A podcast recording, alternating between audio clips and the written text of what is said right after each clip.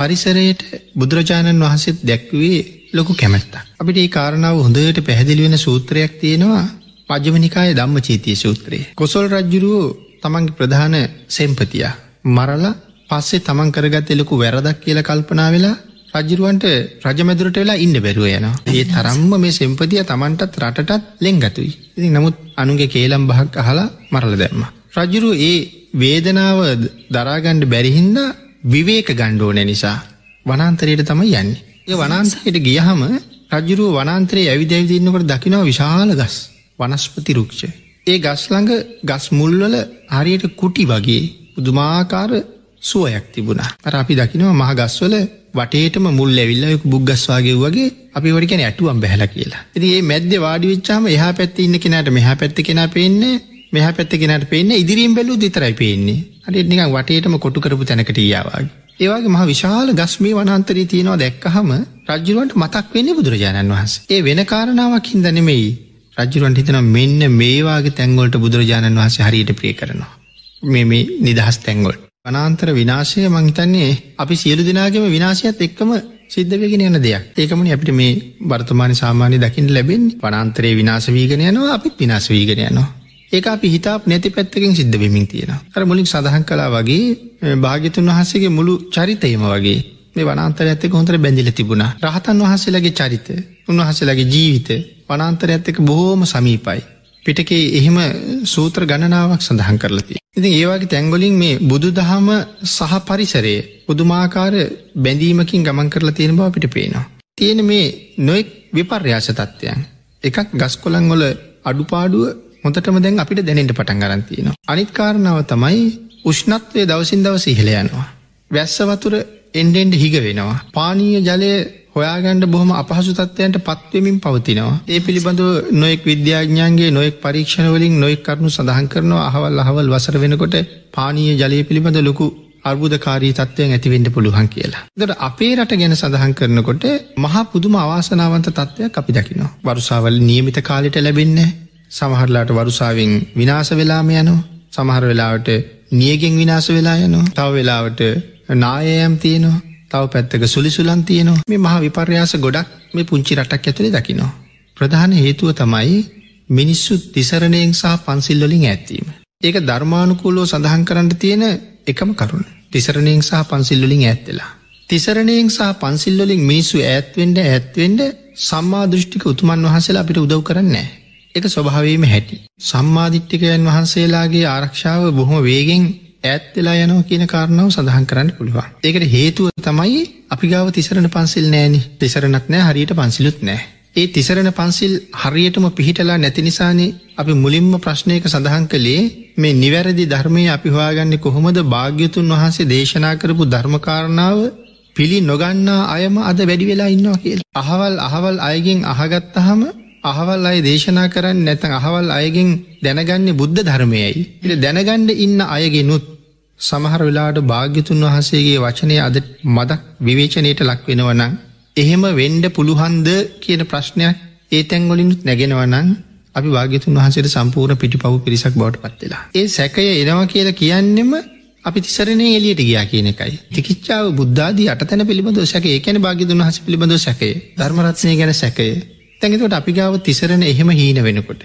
පන්සිල් නැති වෙනකොට සිල් මත පිහිටලයින්න ආරයන් වහන්සේලා අපිට සලකන්නේ. මොද ආරයන් වහන්සේලා අපිට සලකන්න නැත්තේ පෞකාරය වැඩි වෙනට උන්හසල කැමති නෑ. අනික පෞකාරයන්ට උදව් කරනවා කියලා කියන ඒගොලු තව තවත් පෞරැස් කරගන්නවන්නේ. අර එක කතාවක් තියෙනවා මාළුවෙක් ඉන්නව කුණු වෙලා. තැ කුණුවෙච්ච මාළුවා ඔතාගෙන යනවා අපි මොකක්කරි හබරල කොලයක් කලි මොනහරි කොලේක තමයි ඔතාගෙනය. මාළුවා කුණු වෙලා නිසා විසි කරනවා. නමුත් අපිට අර කොලෙත් විසි කරන්න වෙනවා. ඒ මාළුවක් කුණු වෙච්ච මාළුවගේ දුගඳ ඒක තියෙන නිසා.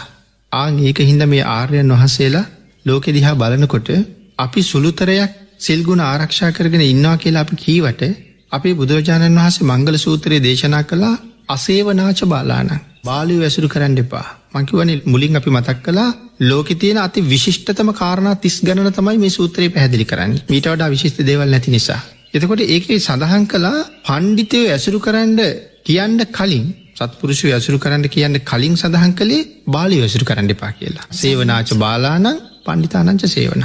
අර ප්‍රකාශය මුලින් කළේ ඒ වුණට අද අපි බාලයන්ගෙන් ඇත්තන ස්වභාවයක් පේන්නේ නෑ පි හොඳයි කියල කීවට අපි බාලි ඇසුරු කරනවා භගිතු නසයකට විරුද්ධයි කිසි සේත් බාලය ඇසුරු කරන්න අවසර දෙන්නේ. අපි සමහර වෙලාවට බාලයා පැත්තක තියාගෙන ඉන්නවා සම්පූර්ණයෙන් අයින් කරන්න. මට අහවල් වැඩේ කරගන්න අහවල් වැඩේ කරගන්න මේ පුද්ගලයාගෙන් පුළුවන්. ලොකු සම්බන්ධකමක් නැතිවුණට අපේ යම් අවශ්‍යතාවයක් වෙච්චාම යට කතා කරනවා. එකනම බාලය සම්පූර්ණ අයින් කරලා අයින් කරලම නෑ. බාලයා පැත්තක තියාගෙන අපි තුනුරුවන් වැඳල ගිහිල්ලා එමිනා පුං්ඥකම්මේන මා මේ බාල සමාගමු. මේ කරපු පුුණ්්‍යකර්මයෙන් අවදාවත් මට බාල සමාගමයක් නොවේවා. භාගිතුන් වහසළඟ ඒම ප්‍රකාශ කරලා ඊළඟට සමහරලාට එලියට බැහල බාලයකුට ඇමතුමක් දෙන මගේ හැවල් ගෙඩ කරගන්නට කියලා අපිතුට බාලියෝ ප්‍රතික්ෂේප කරලනෑන. අපි එහෙම කලාට ආරයන් වහන්සල එහෙම කරන්නේ නෑ. එනම් ආර්යන් වහන්සේලා බාලයොත් අත්හැරිය බාලයෝ ඇසුරු කරන ඇත් අත්හැරිය. අපිට මාළුවත් විසික් කණ්ඩ සිදුවනා මාළු අවතාගෙනපු කොලිත් විසි කණ්ඩිදෙන. ආං ඒවාගේ උන්වහන්සේලා බාලයොත් අතහරිනවා බාලයෝ ඇසුරු කරන නමුත් සිල් රකිනවා කිය අපිත් අත්තරලදානවා. මකද උන්වහන්සේලා තව තවත් බාලයන්ටත් අපටත් උදව් කරනවා කියලා කියන්නේ අපි හම්බ කරලා හම්බ කරලා වැරදි කරන මිනිසුන්ට ආවිධාරන් දෙනවාගේ. දැ උන්වහසල අපි රැකවරණය කදනවනි එහෙම කරන්න කවදාව අපි හම්බ කරලා වැරදි කරන මිනිහෙකුට ආවිද දුන්නහම එයා තවත් වැරදි කරනවනි ඒවාගේ උන්වහසල අපි රැකවරණය කදන්න. ආං ඒක හින්දා වැස්ස වරුසාාව පවා එන්න එන්න නැතුව යනවා වැස්සවලාහක දෙවිවරු කියල කියන්නේ වැඩි ප්‍රමාණයක් සෝවාන් වෙලා ඉන්න බවයි ධර්මි සඳහන් කරයි. අසීතයේ කොච්චර සුන්දරද. වර්තමානය සමහර කෙනෙක් අහනවා ඇයි අනුරාධපුරේ ඔච්චර වැැව් හැදුව කියලා. මේ කාලේ අනුරාධපුරේ කියල කියන ගිනිගණ්ඩ පායන කාලය. පොළොන්නරුව කියල කියන පිච්චෙන්ට පායනවා බොන්ඩ වතුර ටිකක් නැතු යනව කාලෙකට. නමුත් එහෙ තමයි මහා සාගරවාගේ වැවතියන්නේ මින්නේරිය පරක්ටම සමුද්‍රයේ ඒවාගේ වැවතියන්නේ. එන වහින්න ඇති පැතිවල ඇයි වැැව් හැදුවී. නෑ ඒ කාලි ඔය පැතිවලට හොඳට වැස්සා ඒ වැැව් වතුරින් පිරිල තිබුණා. මිනිස්සුන්ට උදේට කුඹරට වතුර හරවන්ඩුවත් වෙලා තිබුන්නෑ. රෑට වැස්සර ඇදොළහට විතර වැව් හැමදාම පිරිල තිබුණ මහ සුලිසුලං ආවෙනෑ වැහල පායලා කුඹරටත් වතුර ලැබිල වැවටත් වතුර ලැබිලා මිනිස්සු දන්න නොදන්න තර. අකුණු ගහලා මහ භයානක විපර්යාස ඇති වෙලා ජීවිත විනාස වෙලා ඉවුණේ නෑ කලට වෙලාවට දෙවිය හරියට වැස්ස ලබල දුන්න. එතකොට රජුගේ ධාර්මික බව ප්‍රධාන වශයෙන් මේකට බලපාන්. රාජා බවතු දම්මිකෝ කියල ගොඩන ගුවෙන් නිකම්ම නෙමෙයි පේ ජාතක පාලියක ජාතක කතාවක් තියෙනවා රජ්ජුරුව එක බොරුවක් කියනකොට මේ මහපොළොව තියෙන රසේරියන් ගානක් යටට බහිනවා කියලා. එනම් අද කොච්චර ඒ දේවල් පැහැදිලිද. කුඹුරට වීටික දාපුහම අනිවාරයෙන් ඒක නැගිටින්ට වෙනත් පෝර ජාතිය දන්ඩුවනේ ඒ පෝර ටික යොදලා ඉවර වෙනකොටම කෘමිරෝගේනවා. පොහොර නිසාම ඊළඟට මිනිසුන්ට පව් කරන්න සිද්ධ වෙලාති. මේ තැනක රජුට වැරදුන හම රටටම වරදි. අපි චෝදනා කරලා හරියන්න මේ භික්‍ෂූන් වහන්සේලට චෝදනා කරලා බෞද්ධයන්ට චෝදනා කරලා හරියන්න.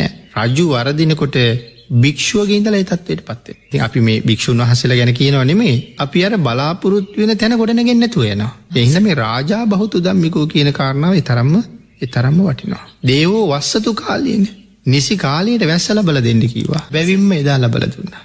එනම් මේ කාරණාව ඒ තරම්ම වටිනවා. අවශ්‍යම වෙන්නේ අපි ආයසරයක් හරියට තෙරුවන් සරණ ගේල්ල පන්සිල්ලා ආරක්ෂා කරන්න පටන්ගත්තොත් සත්‍ය වශයෙන්ම මේ ස්වභාව වෙනස්සෙනවා. ධර්මය ඒහි පස්සිකයි අපේ රටේ බෞද්ධයෝ තීරණය කිරුවොත් අපි එහෙනම් යන්ද එතෙන්ට කියලා මේ දහම හැබෑම සත්‍ය බව දකිට පුළුවන් වෙනවා. ඒක බයනැතුව කියන්න පුළුවන් කතාව.